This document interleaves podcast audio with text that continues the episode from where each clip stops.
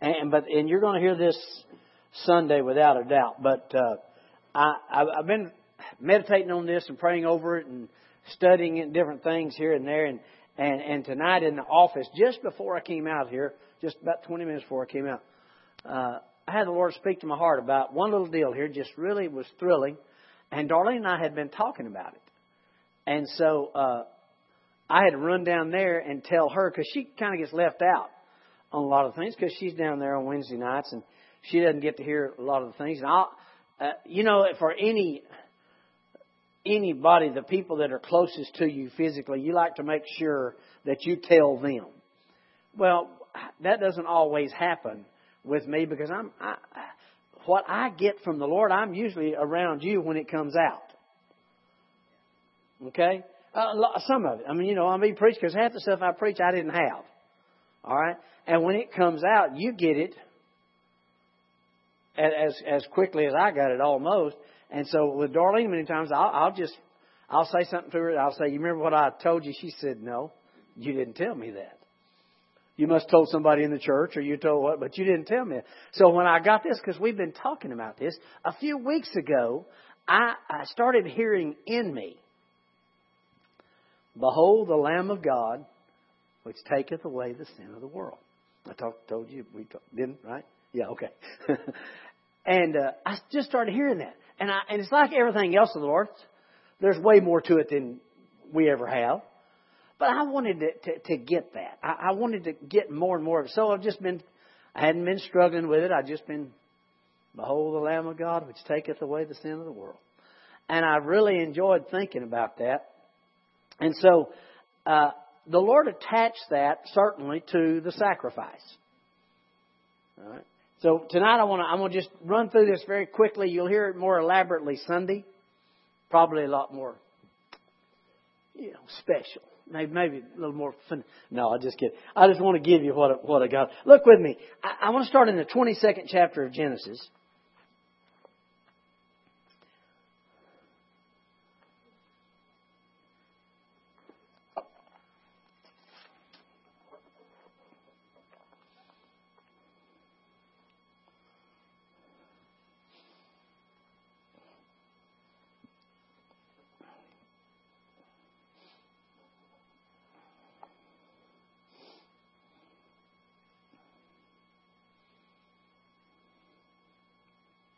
This is where the Lord had told Abraham to offer up his only son Isaac.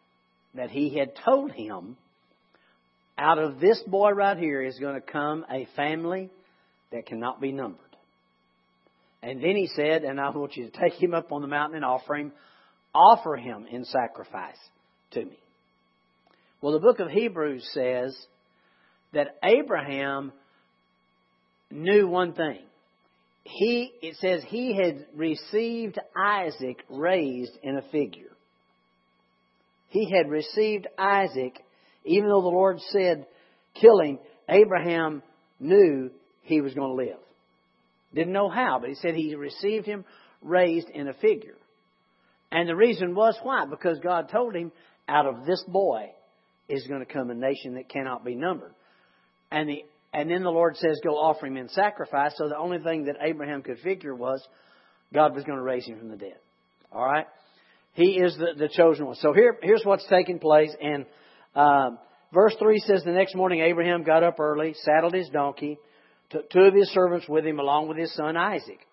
And he chopped wood for a fire, for a burnt offering, and he set out for the place God had told him about. On the third day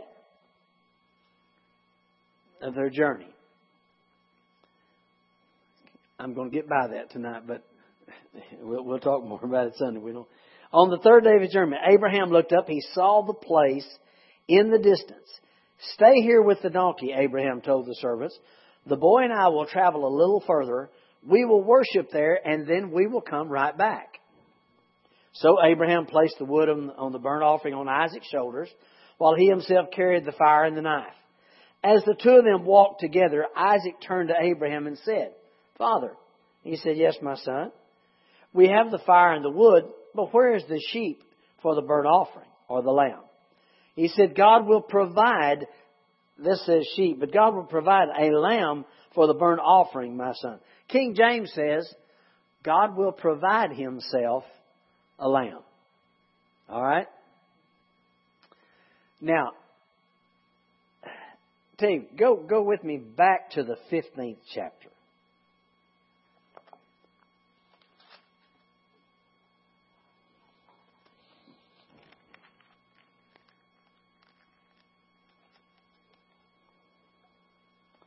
Back in the 15th chapter,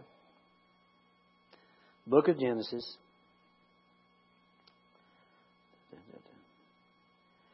this is where God talked to Abraham about making the covenant of making him heir of the whole world. Okay?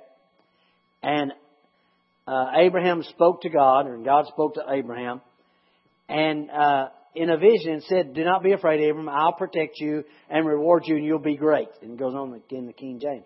But Abraham replied, O sovereign Lord, what good are all these blessings when I don't even have a son?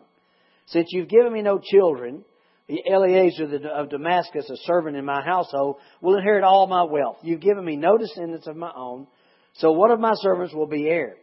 Then the Lord said to him, No, your servant will not be your heir, for you will have a son of your own who will be your heir. Then the Lord took Abram outside and said, Look, count, count the stars, see if you can, if you can. That's how many descendants you will have. Now, then verse 7, oh, I'm part 6, and Abram believed the Lord, and the Lord counted that to him for righteousness because of his faith. The Lord told him, I'm the Lord who brought you out of Ur of the Chaldees to give you this land as a possession. Abraham replied, O sovereign Lord, how can I be sure that I will actually possess it? The land that God had promised him, how can I be sure? The Lord told him, Bring a three year old heifer, a three year old female goat, three year old ram, turtle dove, young pigeon. So Abraham presented all these things. He killed them. He cut the animals down the middle and laid the halves side by side. He did not, however, cut the birds in half. Well, some vultures came down to eat, uh, swooped down to, to eat the carcasses, but Abram chased them away. The sun was going down. Abram fell into a deep sleep, and terrifying darkness came upon him. Then the Lord said to Abram, You can be sure that your descendants will be strangers in the land, and where they will be oppressed as slaves for 400 years. But I will punish the nation that enslaves them. In the end, they will come out with great wealth. As for you, you will die in peace and be buried in ripe old age. After four generations, your descendants will return to this land, for the sins of the Amorites that have not yet warranted their destruction. Now, after the sun went down, darkness fell. Abram saw a smoking firepot and a flaming torch pass between the halves of the carcasses. So the Lord made a covenant with Abram that day and said, I have given this land to your descendants all the way from the great uh, border of Egypt to the great river Euphrates, the land now occupied. Now, King James, as you read that, it says a horror of sleep fell on Abraham. And Abraham was there beside. He, he was experiencing what was going on. But the smoking pot and the fiery furnace were two individuals. Our Heavenly Father and the Lord Jesus Christ, or the Word at that time. God had given His Word to a man to make a covenant with man, an agreement with man, so that he could bless man the way he wanted to. Alright? Now, man could not live up to what God said man's part was. So, in this covenant, you see man bringing the animals to be sacrificed, but you see Jesus showing up to make the covenant with Almighty God for Abraham. All right? That's the way it's always been. Now, this was the episode here is Abraham bringing these sacrifices. When you look at Isaac being offered on the mountain, you're looking at a type and shadow of the covenant that God made with us in Christ Jesus, in the body of Jesus. All right, you're looking at God's covenant partner, Abraham, offering his son Isaac to his God in sacrifice. All right? Allowing his covenant partner, God, to offer his son in sacrifice. Now, we've known that. We've studied that for many, many years. But the cool thing I want, want to get to in this is, is this fact. This man, this young man represents a flesh and blood person being the sacrifice for this covenant. Well, God stopped that. He didn't use that.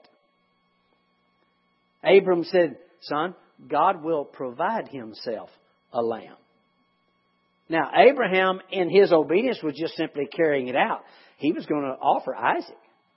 But God said, Stop. Why?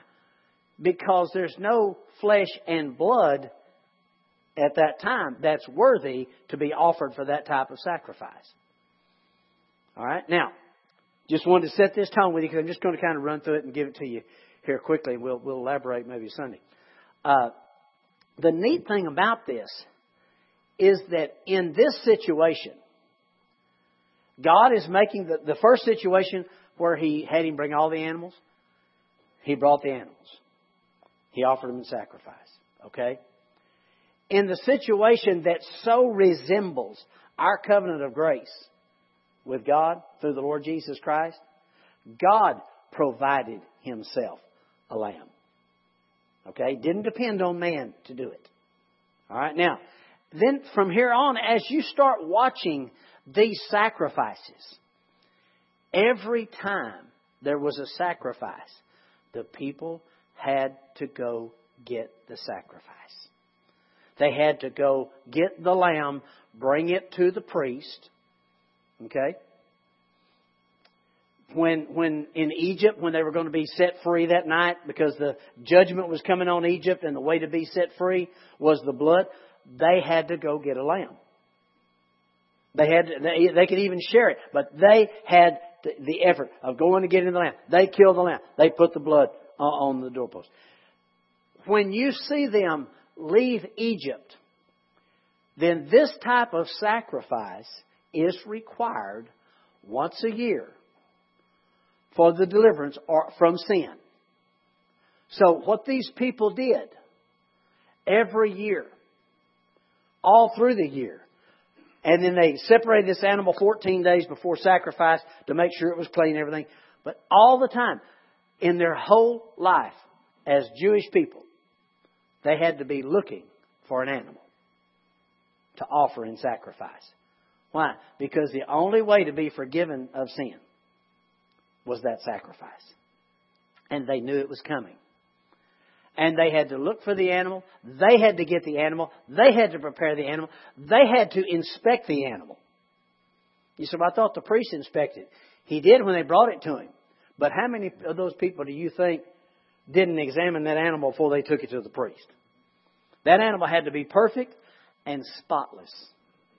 And and I'm telling you what, if it, if it had anything wrong with it, they were going to take care of it. They were going to clean it. They were going to fix it. They were going to keep it. They were going to fatten it. They're going to do everything they can, working all the time to make their sacrifices appropriate. Getting there? You see what's taking place? This is man sacrificing to God. All right? And cause, I mean, hey, how would you feel if you brought your little lamb that you thought was perfect and you had worked on and you had prepared and everything else, and you bring it to the priest, and the priest looks down and he sees that it's got an injured back leg. You are now rejected. That sacrifice is not good enough. You see what I'm getting at? This is how these people lived, and it was a law year after year after year. Now, in I don't want to jump too much, but I want to show you. Go, go up in uh, John 1.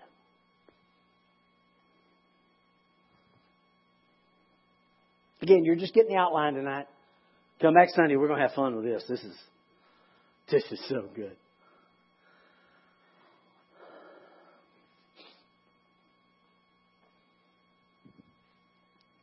John 129. John saw Jesus that next day and he said, Behold the Lamb of God, which taketh away the sin of the world. Right? All right, now, you're Jewish. all you have ever known is every year you have to offer that lamb. You have to find that lamb. You have to keep that lamb perfect. You have to do all these. You, you have to provide it. That's all you know. It's all you've known all your life. Did you get that point? It's all you've known all your life. How, how can I be forgiven of my sin? How can I have a year ahead of me where God's not holding my sin against me? How can I do that? The only way is to have that lamb that I offer and I provide and do that. That's how it happens. The only way. That's your life. That's all you know. All right, now you have this guy that's been baptized in the Jordan River, and, and he ate the, the, the fruit of the locust bush, wild honey, and all of that. You know, he's wrapped in uh, basically burlap or the rough stuff, and got a girdle around his waist, and he's preaching and people are getting baptized. And he stops. Jewish people, he stops and he points and he says, Behold the Lamb of God, which taketh away the sin of the world. I, I, just wrote it down in my notes. What did they hear when he said that? I mean, think about it. How, how easy are we to change? How easy are, uh, and quickly do we receive the goodness and the grace that God is telling us he, He's got for. Think about these people. All, that's all they know all their life. And this man says, Behold the Lamb of God, which taketh away the sin of the world. Okay? Now, so I, I really like this. Here's some of the things they could be thinking. Can this really be true? I mean, they had all heard of a Messiah coming, but maybe they didn't hear in that, in that understanding of the sacrifice. Because every year, the year forward was sinless. They were sinless that year forward because of that sacrifice. All right? And then this guy steps up here and says, Behold the Lamb of God, which taketh away the sin of the world. All right, now, I don't know if they heard this or not, but I heard this just a few weeks ago. You may have always known it, but I heard it just a few weeks ago when I was praying over this and reading over this and we were talking about it. Behold, he didn't say, Behold, a lamb for the people. Behold, a lamb for sacrifice. He said, Behold the lamb that you brought the lamb that you're going to offer. He said, Behold the Lamb of God. God's providing this. You see?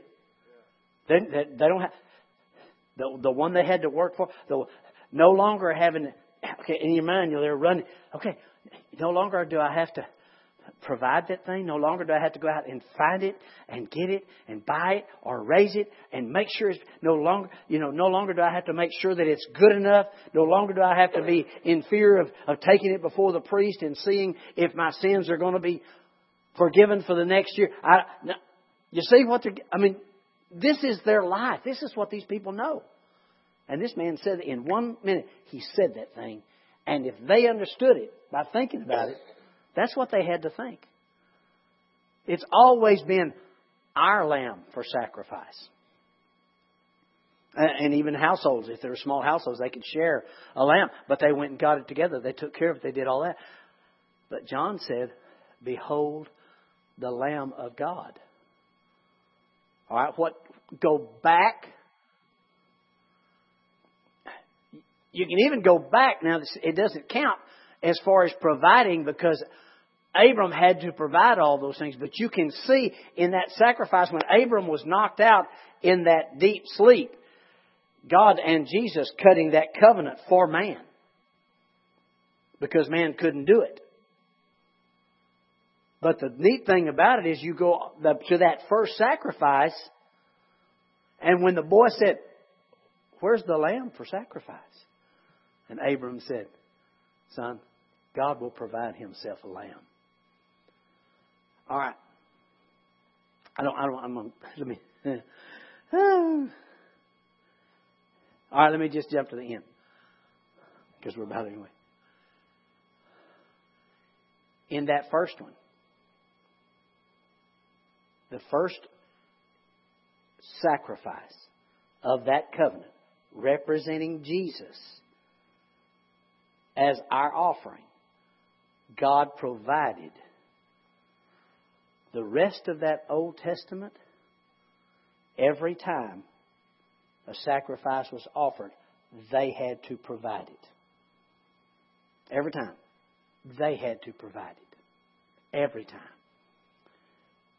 Then when Jesus comes, John says, Behold, not our lamb, but the Lamb of God. God's saying, I'm going to do this. And step aside. I'm going to do this. He said he never was happy with the blood of bulls and goats. Never was.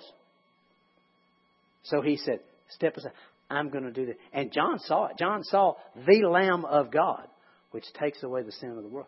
God said, I'm going to take away the sin for you. Not going to cover it anymore. We're going to take it away. So, I'm, I'm reading this. That's what I was telling Darla. I'm reading this. And again, y'all may have known this forever, okay? But just leave me alone. I'm happy with what I'm learning. And it's so simple. I'm sitting there and I'm thinking, Lord, that very first sacrifice representing Jesus that I see there in Genesis 22, you provided. All the rest of them, everybody else had to provide. Every time, every all those years, and it was a Jewish tradition, religion forever. They had to provide it till it came to the crucifixion of Jesus. And when it did, God provided the last sacrifice. Right? I said, All right, I understand that Jesus had to be the last sacrifice of the old covenant and the only sacrifice of the new one. I understand that. But I, I, I, show me. You provided the first one. The people provided everything else. And then you provided Jesus. Why is it that way? He said, Because I am the first and the last. Yeah, that's what I said I, I said, Are you kidding me? That's been there all this time. And it's so simple that I didn't realize. He, he, the only two that you see him providing the lamb was the one where his covenant partner for the first time offering his son said, God will provide himself.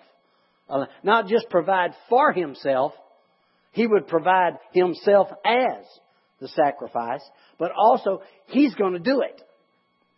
And then in the last one, and he provided him. He is the first and the last. That's why it had to be that way. Isn't that, yeah, won't that just get on you? The first and the last. But see, the cool thing about it is the same thing those people heard. Wait a minute, you mean I don't have to come up with a sacrifice anymore? You mean I don't have to appear before that priest to see if I'm accepted? You mean I. No, it's all gone. Why? Because He provided. He provided it for us, but it was God. That's not. That's not the Lamb of that, my Lamb. That's the Lamb of God. When God said, I'm going to do all of this and I'm going to cleanse everyone who will accept me, when I change, I'm going to provide the Lamb. Now, again, remember, these people, that's all they knew was sin and sacrifice, sin and sacrifice, sin and sacrifice. Are you with me? A lot like church people. Sin, guilt, and sacrifice. Sin, guilt, and sacrifice. Sin, guilt, and sacrifice. That's the way it was.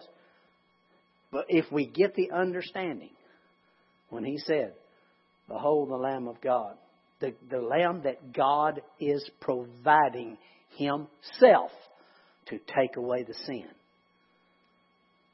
See? Now, Hebrews 10.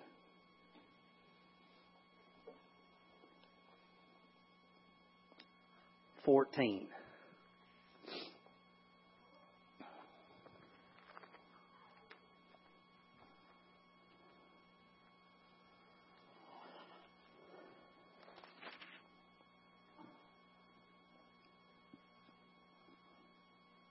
Hebrews 10:14 For by that one offering he forever made perfect those who are being King James says sanctified. This says holy. The Holy Spirit also testifies that this is so. For he says, This is the new covenant I will make with my people on that day, says the Lord. I'll put my laws in their hearts and I'll write them on their minds. Then he says, I'll never again remember their sins and their lawless deeds. That was what that whole sacrifice situation was about. Sins and lawless deeds. And every year they made that sacrifice so the year ahead of them they would be sinless. Okay? It wasn't for past sins, it was for future sins. But look at this last verse. And when sins have been forgiven, there is no need to offer any more sacrifice. Behold the Lamb of God, which taketh away the sin of the world. When you remove the sin, you remove the guilt. You remove the guilt, you remove the condemnation.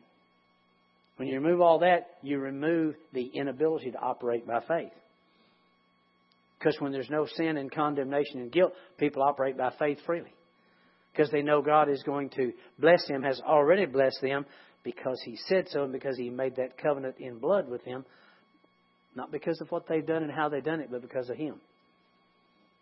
So he didn't, he didn't provide them a lamb in the sense, he provided himself a lamb. He offered Jesus to take away the sin of the world. He is the first and the last. There is no more sacrifice for sin. There is no more. He is it. He is it.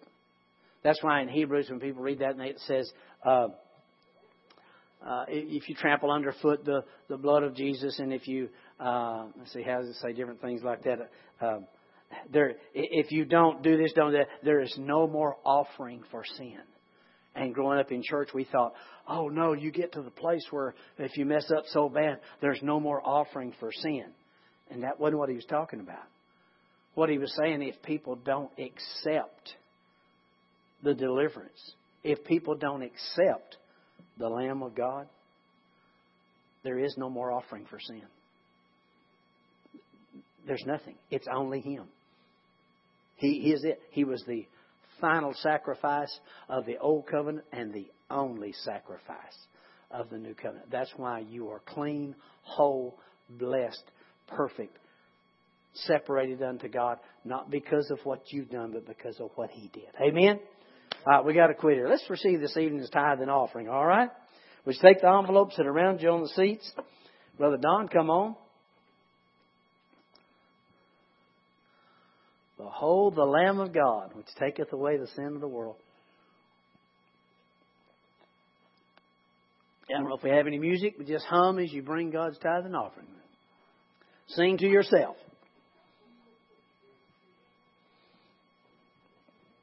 Miss Susie will sing for us if she can. Yeah, right. That's not going to happen. Oh, okay.